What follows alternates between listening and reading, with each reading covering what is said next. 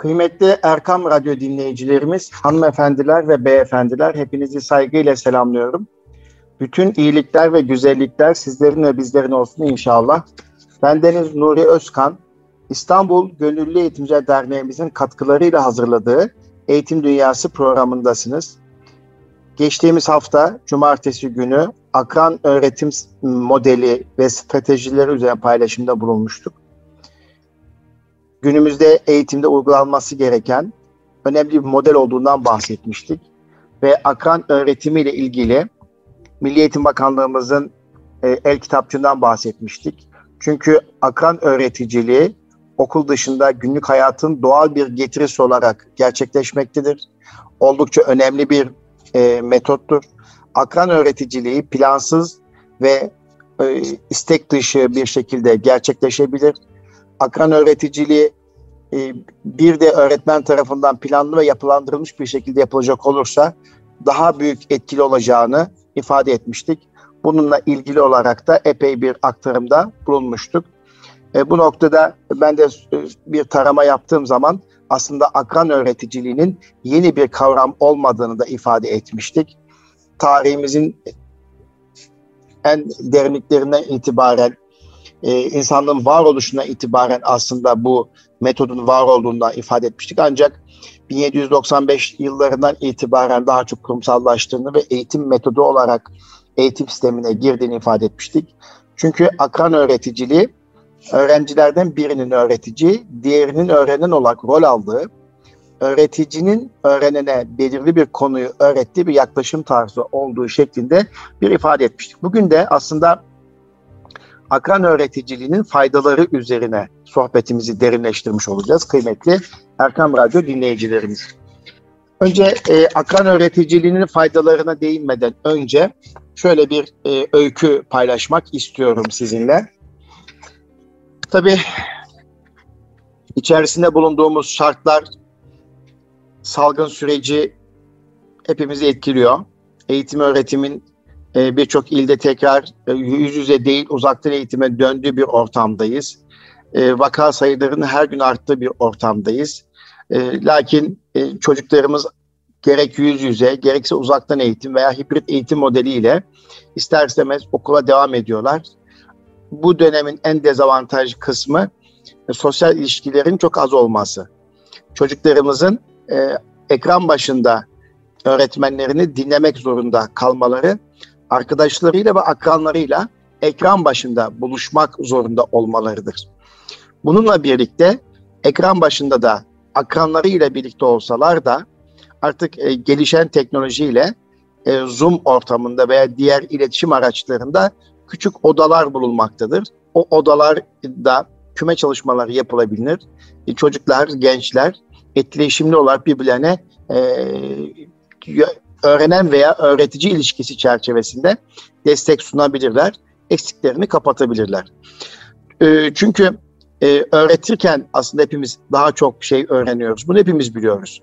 Yani ben bugün Erkam Radyo'da sunuş yaparken e, ister istemez bildiklerimi veya becerilerimin ötesinde sahada ne var ne yok bir araştırma yapıyorum. Yaptığım araştırmayı veya not aldığım bilgileri sizinle paylaşırken de aslında kendimi geliştirmiş oluyorum. Yani aslında akran öğreticiliğinin temelinde birbirimize bildiklerimizi öğretebilmektir. Çünkü öğretirken daha çok öğreniriz. Araştırmalar bunu gösteriyor ve akran öğreticiliği araştırmalarla desteklenmiş zaman çaba ve bak e, ve benzeri hususlar bakımından da çok az maliyet olan etkili bir öğretim stratejisidir. Ve akran öğreticiliği akademik başarının ve akademik becerilerin gelişmesinde etkilidir. Bu girişle birlikte aslında öykümüze başlamak istiyorum kıymetli Erkam Radyo dinleyicilerimiz. Bir bilge ile kendisine 20 yıl talebelik yapan birinin arasında bir geçen konuşma aslında bu öykü. Kaç yıldır benim yanımdasın. Talebe cevap veriyor. 20 yıldır efendim. Hoca soruyor. Bu zaman sürecinde benden ne öğrendin?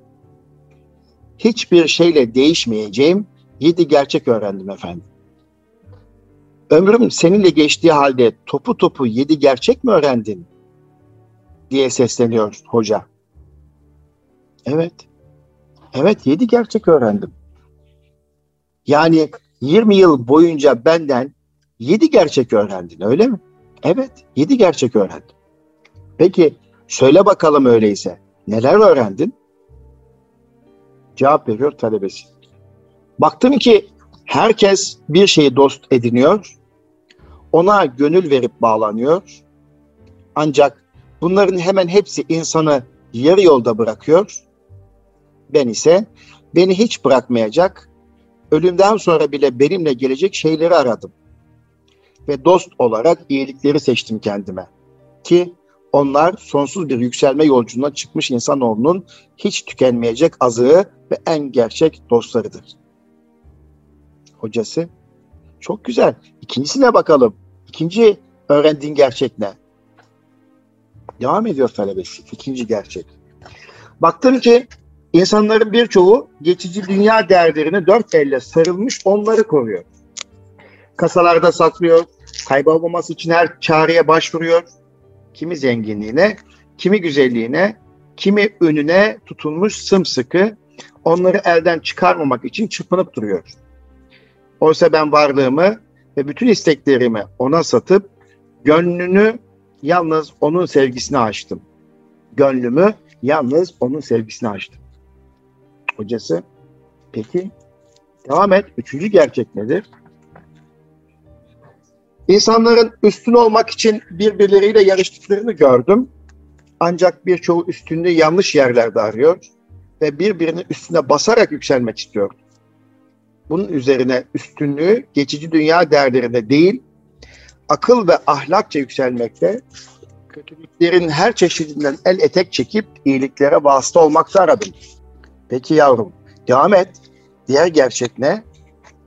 Yine baktım ki insanlar sabahtan akşama birbirleriyle uğraşıyor. Boş yere hayatı zehir ediyorlar.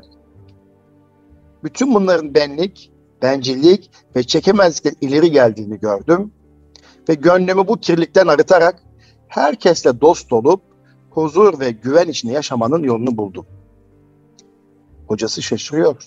Peki sonra ne öğrendin? Nedense herkes hatasının sebebini hep dışta arıyor ve başkalarını suçlamak yoluna sapıyordu. Böylece suçlarının örtüsü altına saklanıyordu. Oysa insanın başına ne geliyorsa kendi yüzünden ve kendi eliyle geliyordu.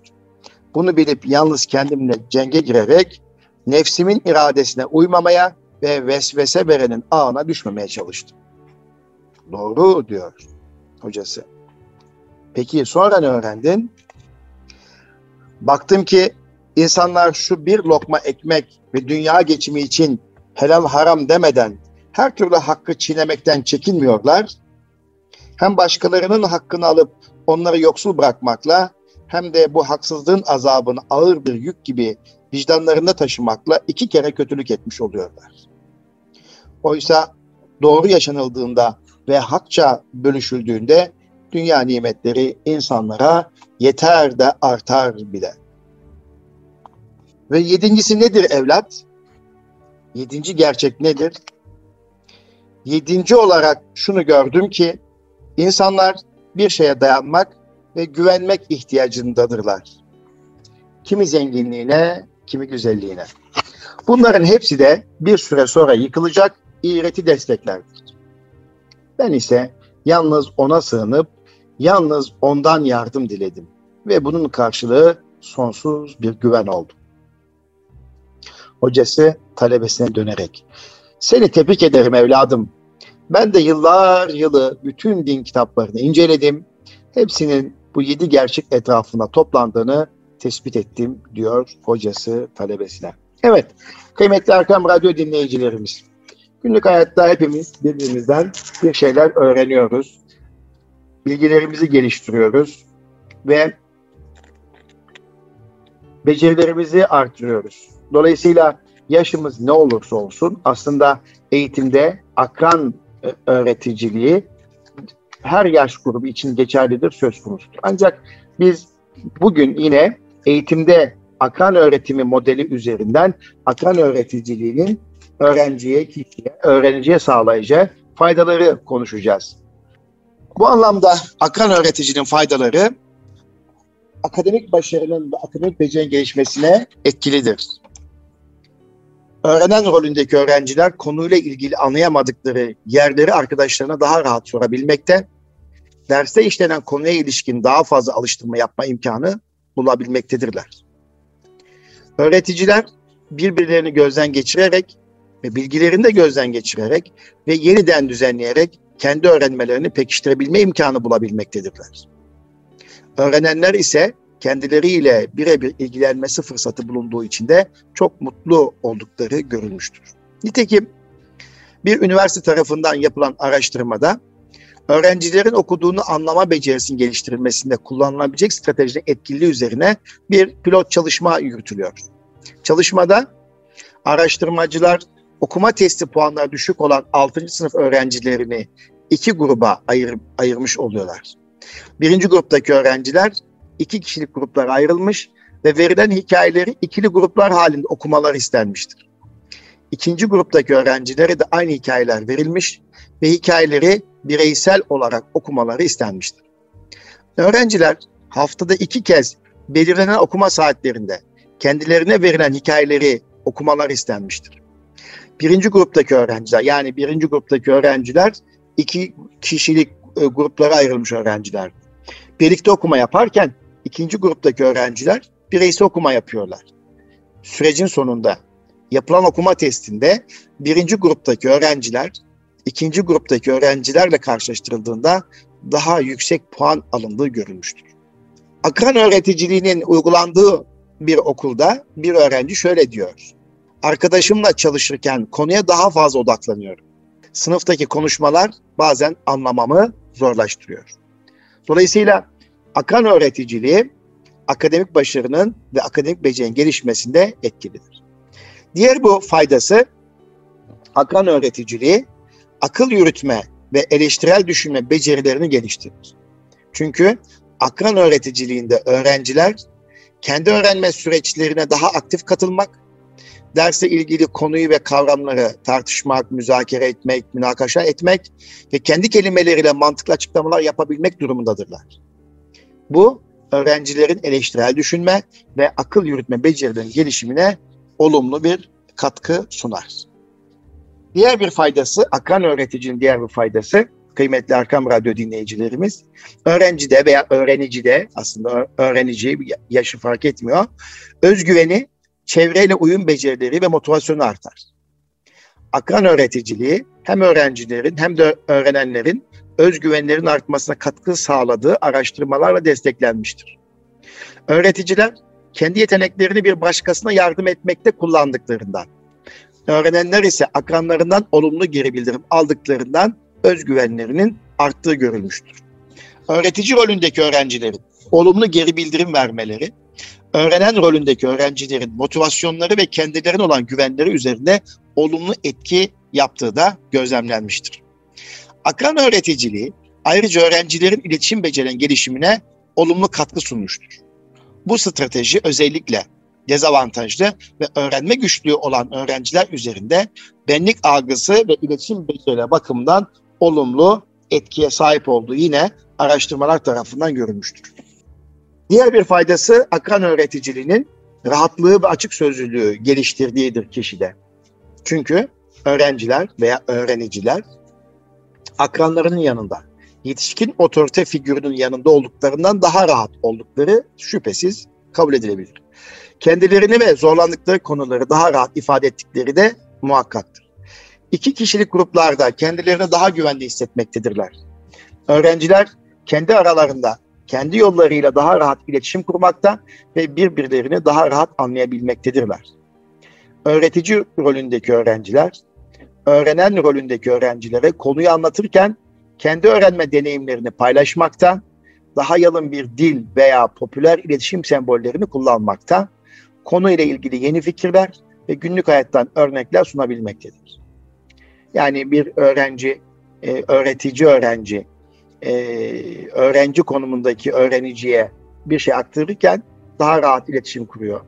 Kendi e, öğrenme stratejisi yönünden yola çıkarak, kendi sembollerinde kullanarak karşı tarafa anlatma, aktarma ya neden oluyor.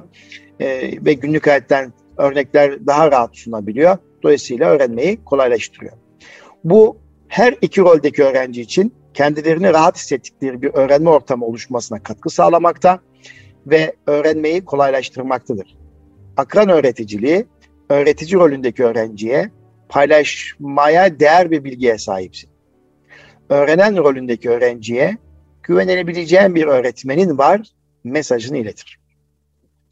Akran öğreticiliği ayrıca öğrencilerin öğrenirken eğlenmelerini sağlar. Olumlu ve işbirlikli bir sınıf ortamı oluşturulmasına katkı sağlar. Olumlu sosyal davranışların akran ilişkilerin gelişmesine ve böylelikle sınıf disiplini artmasına katkı sağlar. Öğrencilerin zaman yönetimi, planlama, öz kontrol ve çalışma becerilerini geliştirir. Öğrenilen bilgi ve edinilen becerilerin daha kalıcı olmasını sağlar. Öğrencilerin bağımsız öğrenenler olmasına katkı sağlar öğrenciler arasında bir amaca ve öğrenme hedeflerine odaklı diyalog ve etkileşimin oluşmasını sağlar. Dolayısıyla öğrenirken eğlenmek hani e, e, eğitim eğlenceli olmalıdır diyoruz ya. Öğrenirken eğleniyor. Olumlu ve işbirlikli bir sınıf ortamı oluşmaya katkı sunuyor. Zaman yönetimi, planlama, öz kontrol ve çalışma becerilerini geliştiriyor öğrencilerde, çocuklarda. E, bilginin daha kalıcı olmasını sağlıyor. Ve e, bağımsız öğrenenler olmasına katkı sunuyor öğrencilerin. Yine öğrenciler arasında bir amaca ve öğrenme hedeflerine odaklı diyalog ve etkileşimin gelişmesini sağlıyor. Yani lak lakla değil de daha pozitif bir e, iletişim kurmalarına, e, bir şeyi öğrenmeye odaklı sohbet etmelerine imkan sağlıyor. Şöyle bir aktivite üzerinden bunu bu olayı, bu anlattıklarımızı canlandıralım. E, yaşı küçük olan öğrenciler beğendikleri bir kitabı seçerek yaşı büyük olan öğrencilere ses olarak okuma çalışması verelim.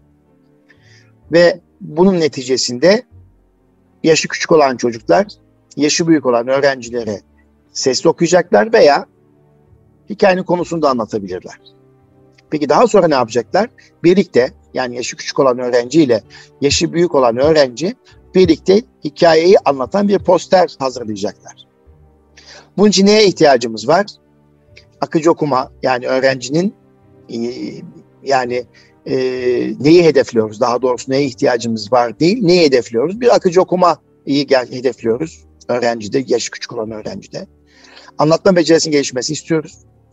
Karşılıklı fikirden paylaşması söz konusu. Dikkatli dinleme ve karar verme süreçleri gerçekleşmiş olacak. Yani bu akran öğretiminde akademik ve sosyal beceri bakımından bunları görmek istiyoruz. Peki neye ihtiyacımız var? Bir hikaye kitabına, daha sonra poster hazırlamak için bir kartona ve boya kalemlerine ihtiyacımız var. Peki nasıl olacak? Önce öğrenci, yaşı küçük olan öğrencinin kitap seçmesine yardımcı olacağız. Çocukların öğrenme stillerine göre bazı e, kitaplar resim ağırlıklı olabilir, bazıları metin ağırlıklı olabilir. Çocuklar bu seçimi yapacaklar. Sonra öğretici rolünü üstlenen öğrencilere bu süreç içerisinde nelere dikkat etmeleri gerektiği konusunda açıklama yapacağız. Yaşı küçük olan öğrenciler kendilerine sesli olarak kitap okuyacaklarını, kelimeleri okumakta zorluk çeken öğrencilerin resimlere bakarak hikaye anlatacaklarını biz açıklayacağız. Yani ne yapacak öğretici rolündeki kişi? Yaşı küçük öğrencinin sesli kitap okumasını dinleyecek kelimeler okumakta zorluk çeken çocuklar da resimlere bakarak hikayeyi anlatacaklar. Yine yaşı küçük olan öğrenciler hikayeyi okurken ya da anlatırken onları dikkatli bir şekilde dinlemeleri gerektiğini büyük öğrencilere söylemiş olacağız. Peki okuma veya anlatma esnasında yaşı küçük olan öğrenciler hata yaptıklarında e, yaşı büyük olan öğrenciler nelere dikkat edecekler?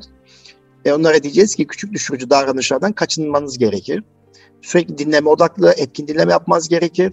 Ve hikaye tamamladıktan sonra hata yapılan yere dönerek burayı bir kere birlikte okuyalım mı gibi sorular sorarak hata yapılan yerin tekrarlanmasını sağlamalarını ve hatayı düzeltmeleri gerektiğini ifade edeceğiz. Ve daha sonra kitap birlikte sesli okundu ve hikaye anlattıktan sonra da poster hazırlanacağını ve e, posterin hazırlanma sürecinde de öğreticinin bir takım görevler olduğunu söyleyeceğiz. Ne gibi görevler olacak? Posterin hazırlanacağı kartonun üzerine kitabın da yazarın adını yazmak noktasında öğreticiden bir e, beklentimiz olabilir. Nasıl bir reti, resim çizeceği hakkında karşılıklı görüş alışverişinde bulunmak ve birlikte resme karar vermek noktasında desteği olabilir. Yaşı küçük olan öğrenci resim çizerken ona yardımcı olabilir. Poster tamamlandıktan sonra yapılan resmin altına hikayenin ana fikrini özetleyen iki cümle yazılabilir gibi böyle öğreticinin de poster hazırlama aşamasındaki vazifeler ne olur? Bunlar çocuğa söylenmiş olur. Yaşı küçük olan öğrencilere çalışma hakkında bilgi vereceğiz tabii ki. Onlar da neleri yapacaklar, nelere dikkat edecekler. Onların da bu konuda bu aktif öğrenme modeli çerçevesinde neleri yapmalar gerektiğini bilmiyor, biliyor olması gerekiyor. Ve bu çocuklara diyeceğiz ki öğrenci bu e, çocuklarımıza yani yaşlı küçük çocuklarımıza üst sınıftan bir öğrenci abine sen bu kitabı sesli okuyacaksın ve birlikte poster hazırlayacaksınız. Vazifeniz bu. Dolayısıyla kitap seçimini birlikte yapabilirsiniz. Ee, seçeceğiniz kitabı önceden tek başına okuyabilir veya inceleyebilirsiniz. Daha sonra yüksek sesle büyük abine okuyabileceğini ve okuması gerektiğini ve daha sonra anlatması gerektiğini söyleyeceğiz. Bütün bunlar bu süreçte tamamlandıktan sonra da e, kitaplar toparlanacak ve öğrencilerimize posterleri nasıl hazırlayacaktır zaten başlangıç açıklamıştık.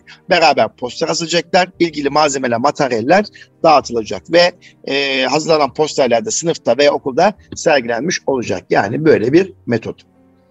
Peki akran öğreticiliği stratejisinin uygulanması yönelik bir takım öneriler var.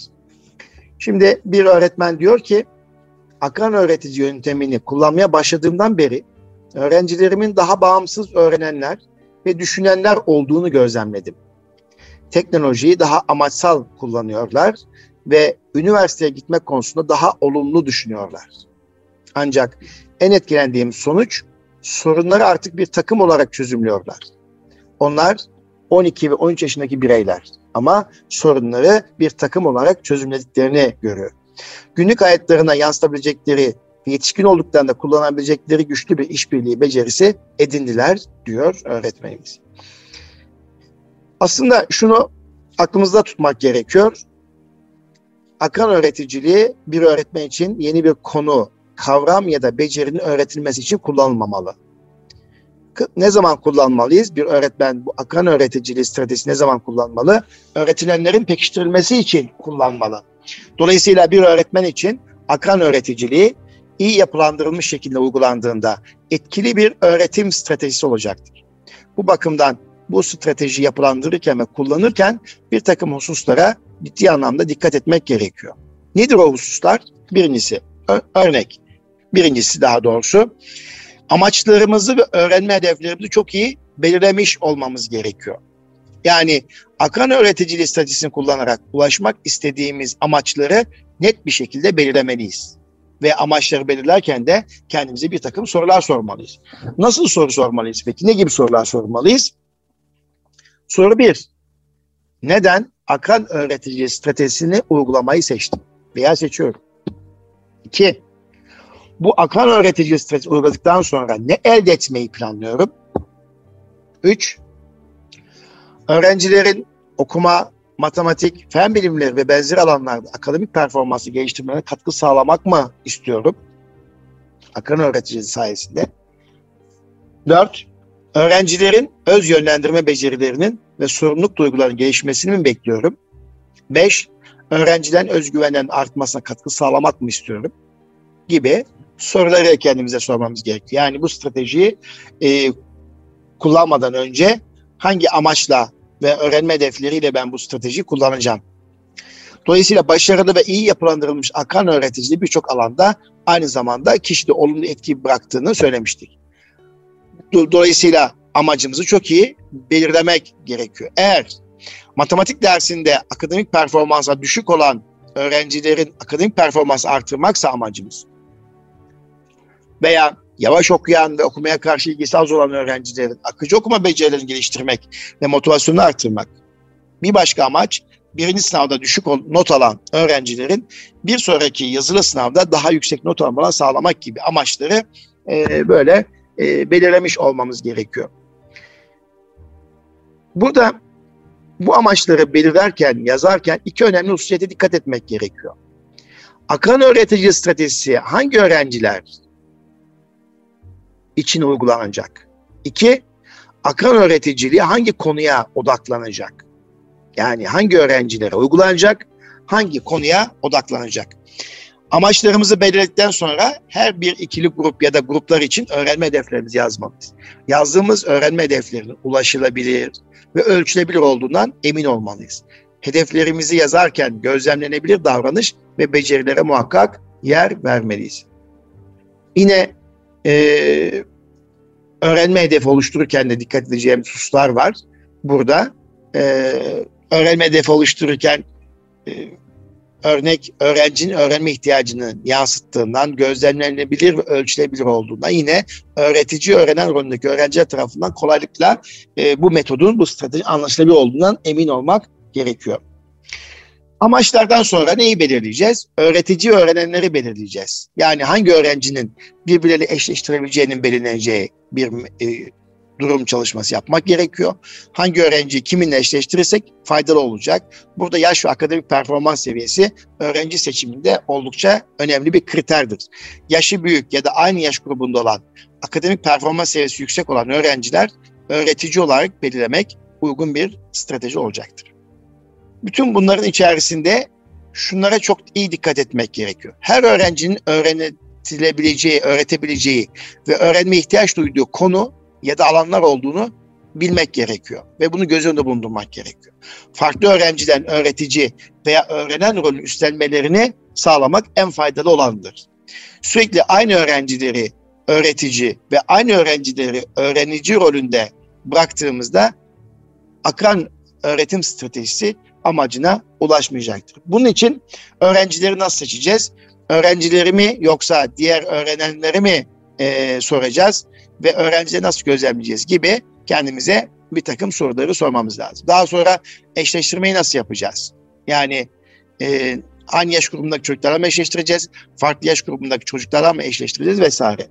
Ve bu iki modelin avantajı ve dezavantaj kısmını çok iyi düşünmüş olmamız gerekiyor. Bir de öğretici öğrenenler hangi akademik becerilere sahip olacak? Bunu da sormamız gerekiyor. Öğrenciler arasındaki ilişkiler nasıl kontrol edeceğiz? Bunları da kendimiz çıkarıyor olmamız gerekiyor kıymetli Erkam Radyo dinleyicilerimiz. Öğrenci sayısını da düşüneceğiz. Küçük gruplar halinde mi, büyük gruplar halinde bunlara bakacağız. Ve bunun için bir çalışma planı hazırlamamız gerekiyor. Ve çalışma planı hazırladığımızda da akran öğretici stratejisinin başarılı ve etkili şekilde uygulanabilmesi için muhakkak bir detaylı planlamayı da yapmak gerekiyor. Zaten eğitim bir planlama işidir. Planlı bir süreçtir e, her tür etkinlik etkin bir şekilde planlanmalıdır ve hazırladığımız plan öğrencilerimize paylaşılmalı ve ihtiyaç duyduklarının yanlarında olabileceğimizde kesinlikle hissettirilmeli. Peki plan da hazırladık. Uygulama nerede gerçekleşecek? Bu da önemli bir soru. Akran öğreticiliğini işlediğiniz bir konunun pekiştirilmesi için sınıfta uygulamayı düşünebiliriz. Ee, bir sonraki derste sınıf düzeninin akran öğretici modeline göre yeniden düzenleyebiliriz. Veya evde, ofiste, o kütüphanede, destek eğitim odasında, boş sınıfta ve benzeri gibi nerede olabileceğini, uygulamayı nerede yapacağımızı çok iyi belirlemiş olmamız gerekiyor. Bunun dışında neye ihtiyaç var? Ne zaman yapacağız biz bu uygulamayı? Hangi saatlerde yapacağız? Öğrenciden bir arada ne zaman çalışacaklarını yine planlamalıyız. Planlama yaparken de kendimize şu sorular sorabiliriz. Öğle tatilinde mi? Yemek arasında mı? Teneffüste mi? Ders esnasında mı? E, boş derste mi? Bazı derslerden alarak mı? Okuldan sonra mı? E, gibi hangi saatte veya evde, ofiste ve benzeri gibi bu soruları da sormamız gerekiyor. Çünkü çocuklar şöyle hissediyorlar bu akran öğretimi esnasında arkadaşlarıyla çalışırken aynı dili konuştuklarını hissediyorlar ve daha iyi anladıklarını ifade ediyorlar çocuklar. Ee, akran öğreticiliğin etkili olabilmesi için öğrencilerin hangi günlerde, hangi saatlerde bir arada çalışacakları net olarak belirlenmesi gerektiğini biraz önce vurgulamıştık. Bu öğrencilerin planlama, zaman yönetimi ve sorumluluk uygulanan gelişimine de ayrıca katkı sağlar. Akan öğretici uygulaması ne kadar süreyi kapsamalıdır? Genellikle tavsiye şu, 3-4 haftayı geçmemelidir. Yani öğrenciler hafta 2 veya 3 kez bunu yapmalı. 25 dakika, 30 dakika gibi bir süreyle sınırlı olmalı. Çok sık bir araya gelmesi çalışmanın verimliliğini ve etkinliğe düşüreceği kanaati oluşmuştur. Hangi derslerde hangi konu veya becerilerin pekiştirmesi kullanacağını da yine öğretmen tarafından belirlenmiş olmalı. Örneğin e, hızlı okuma ya da okuduğunu anlama becerisi geliştirmek için mi kullanacağız? Matematik dersinde problem çözme alıştırmalarında mı kullanacağız? Yazı yazma ve dil bilgisi konularını pekiştirmek için mi kullanacağız? Bu konuda e, bir çalışma yapmış olmamız gerekiyor. Niye ise arkadaşım anlattığında daha iyi anlıyorum.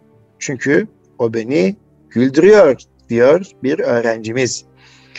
Akan öğretici stratejisini sadece konu tekrarlarında değil, bir takım görevlerin yerine getirilmesinde de kullanmak mümkün. Mesela ev ödevi yapılmasında, araştırma yapma, araştırma raporu yazmada, kompozisyon yazma, yazılı sınavları hazırlanma, deney yapma, deney raporu hazırlama, sınıf projeleri ve sunum hazırlamada da yine akan öğretici metodu kullanılabilir.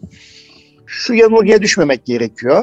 Şunu çok iyi bilmek gerekiyor. Akan öğreticilik şu değil. Yani akan öğreticinde kullanılan öğreticiler, akan öğreticiler okuma öğretmenleri değildir. Onlar yeni bir okuma becerisi öğretmezler. Ancak akran öğreticiler okumada zorluk çeken öğrenciler, öğretmen tarafından öğretilen okuma becerilerine ilişkin alıştırma yapmaları konusunda motive eden ve cesaretlendiren bir yardımcı olarak düşün mümkün. Tabii akran öğreticiliğinde kullanılacak e, materyali de çok iyi. Öğretmen tarafından belirlenmiş olması gerekiyor. Çalışma kağıtlarının hazırlanması e, önceden e, önemli. Evet. Yine her şeyde olduğu gibi uygulama ve değerlendirme basamakları da önemli. Akran öğreticiliği metodu bittiğinde e, ne gibi sonuç elde ettik? Uygulamada karşılaştığımız sorunlar neler? Doğru bir eşleştirme yapabildik mi? E, akran öğreticisi ve e, öğrenen rolündeki öğrenciler bir araya geldiklerinde uyum sağlayabildiler mi? İyi bir iletişim kurabildiler mi? Bu anlamda stratejinin e, çıktı itibariyle de bir değerlendirilmesinin yapılması gerekiyor uygulamayla birlikte.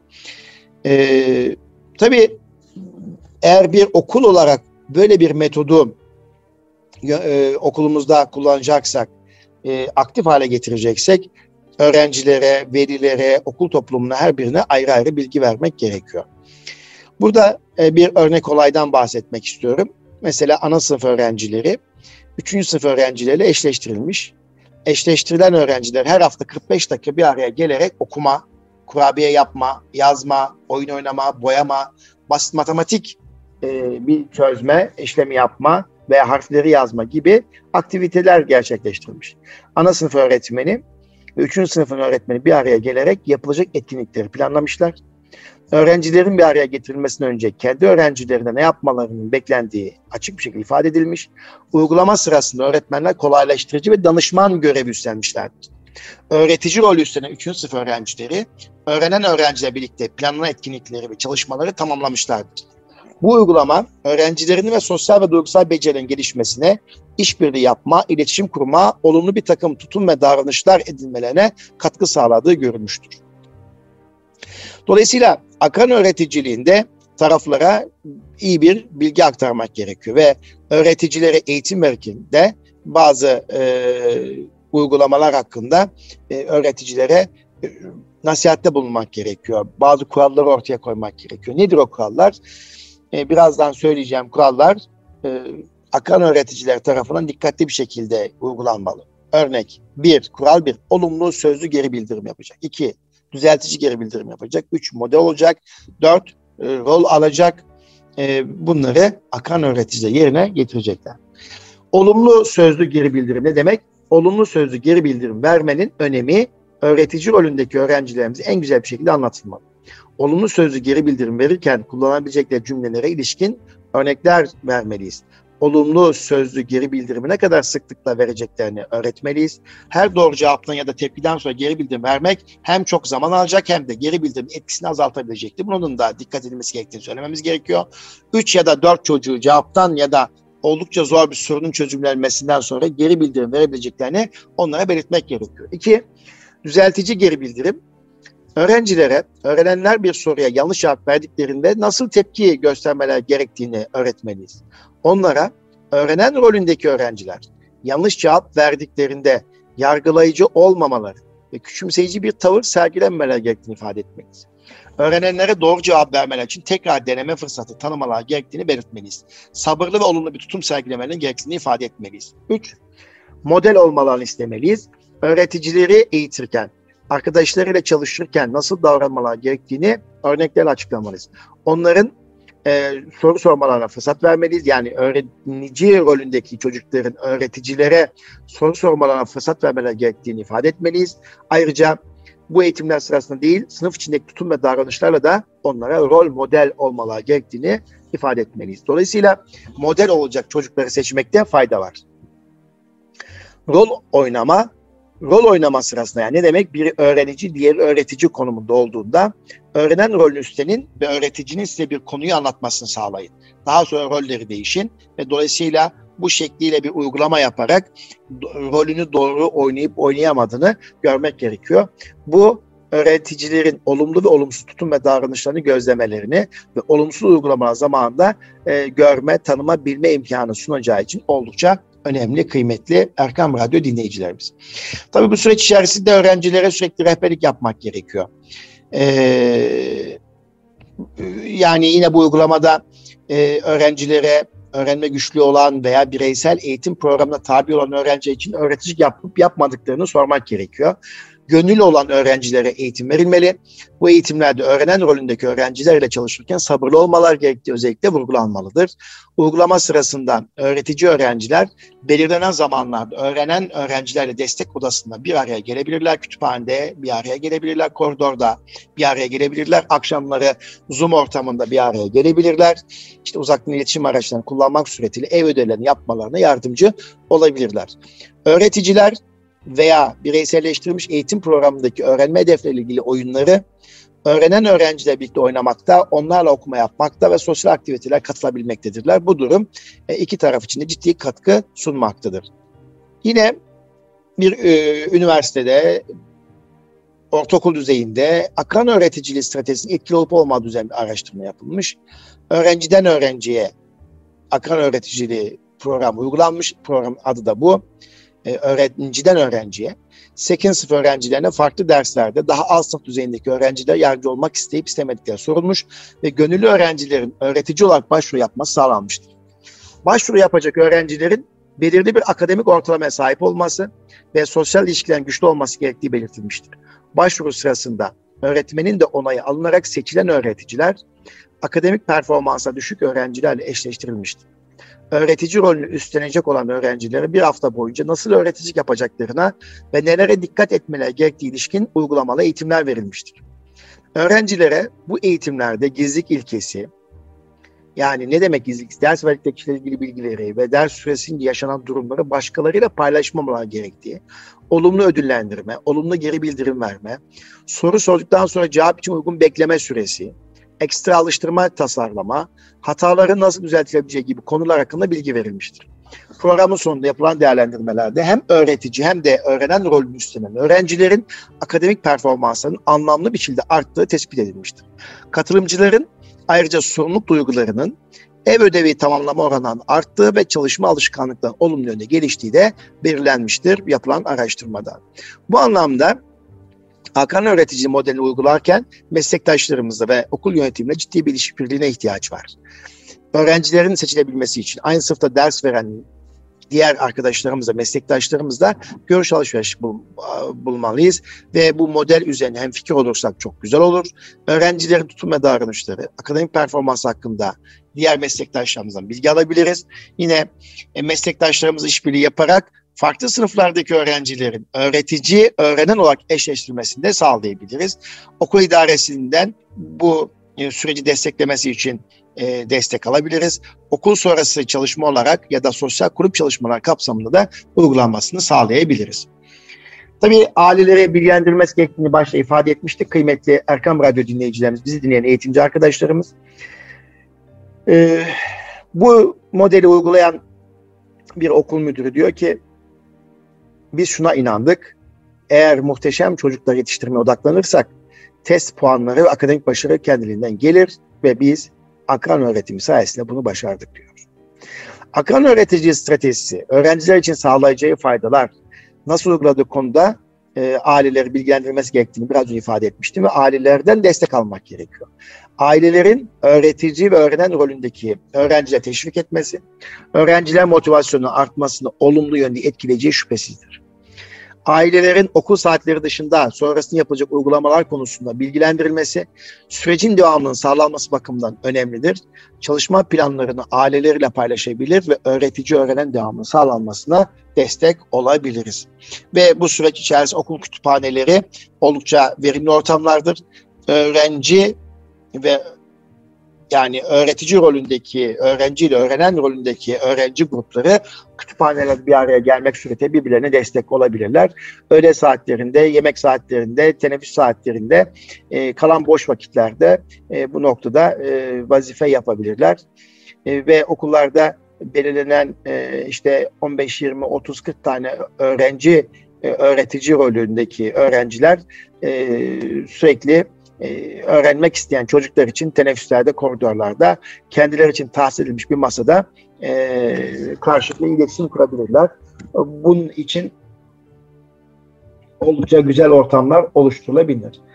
Yine bu noktada e, değişik aktiviteler yapılabilir. E, örnek e, tankam dediğimiz biliyorsunuz tankam bir e, Çin e, yapbozu olduğunu hepimiz biliyoruz.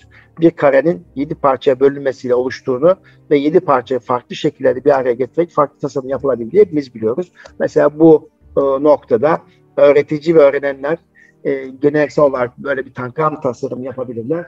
Yapmış oldukları şekillerle ilgili karşılıklı e, sohbet edebilirler, paylaşımda bulunabilirler kıymetli Erkam Radyo dinleyicilerimiz. Evet, e, geçen hafta ve bu hafta akran öğretimi e, nedir? Akran öğretimi stratejisi bir öğretmen tarafından nasıl uygulanabilir? Uygulanırken nelere dikkat edilmelidir ve akran öğreticiliğinin faydaları üzerine e, bir paylaşımda bulunmuş olduk kıymetli Erkam Radyo dinleyicilerimiz. Evet, efendim e, Eğitim Dünyası programında e, bugün yine sizinle birlikte olduk. Bir modeli, bir metodu sizinle paylaştık paylaşırken de başta bir öyküyle e, akran öğreticiliğine ve faydalarına girmeye çalıştık. Öyküdeki e, amaç da şuydu. Aslında günlük hayatta hepimiz birbirimizi etkiliyoruz. Birbirimizden çok şeyler öğreniyoruz. Bununla birlikte sosyal medya, televizyon ve e, etrafımızdaki birçok uyarıcılar bizlere ve çocuklarımıza yeni şeyler öğretiyor. Aslında günümüzde e, akranlar da, ekranlar da bir öğretici rolünde e, sadece akran değil artık ekranların da öğretici rolünde olduğu bir e, çağda yaşıyoruz. Tabii televizyon kanallarındaki filmler, her bir film, dizi film e, çocuklarımıza, bizlere çok şeyler öğretiyor, öğrenmemizi sağlıyor ve veya merak duygularımızı geliştiriyor kıymetli Erkam Radyo dinleyeceğim. Yine sosyal medya e, bir öğrenme aracı olarak, yine Google bir öğrenme aracı olarak aslında her çocuk için bir fırsat sunuyor. Tabii bu uzaktan eğitimin uygulandığı dönem içerisinde çocuklarımızın akrana değil ekrana bağlı olduğu bir dönemde de tabii ekranları nasıl kontrol edebileceğimiz sorusu karşımıza geliyor. Ee, ekranları ne kadar kontrol edebileceğimiz sorusu karşısında da e, biz de diyoruz ki artık bu dönemde ekranlar kontrol etmek yerine ekranları kullanarak işte YouTube kanalını kullanarak, sosyal medya kullanan çocuklarımızın öğretici bilgileri paylaşmalarını, kendi e, kalitelerini gösterecek bilgileri sosyal medyalarında paylaşmaları noktasında bir yönlendirme yapabiliriz. Veya YouTube'da e, işte başka bir YouTuber'a özelmek yerine kendisi kendi hayatıyla, kendi kişisel özellikleriyle birlikte e, sevdiği bir konu, bir durum, bir olayla ilgili kendisine bir kanal açıp kendisinin de paylaşımda bulunabileceğini söyleyeyim. Aslında bu da bir e, e, öğretimdir. Yani bir çocuk düşünün sürekli YouTube kanalı üzerinden başka bir YouTuber'ları dinlemek yerine kendisi de e, günlük hayattaki bir takım konularla ilgili olarak e, oluşturacağı YouTube kanalı üzerinden paylaşımda bulunup eş dost akrabanın beğenmesinden mutluluk duyabilir. Bu noktaya taşıyabiliriz işi. E, böyle de bir e, şeyin sonunda eğitim dünyası programı sonunda bir paylaşım olduğunu o, olsun diye düşünüyorum. E, ve bir sonraki eğitim dünyası programında buluşmak dileğiyle efendim. Kalın sağlıcakla Rabbime emanet olunuz.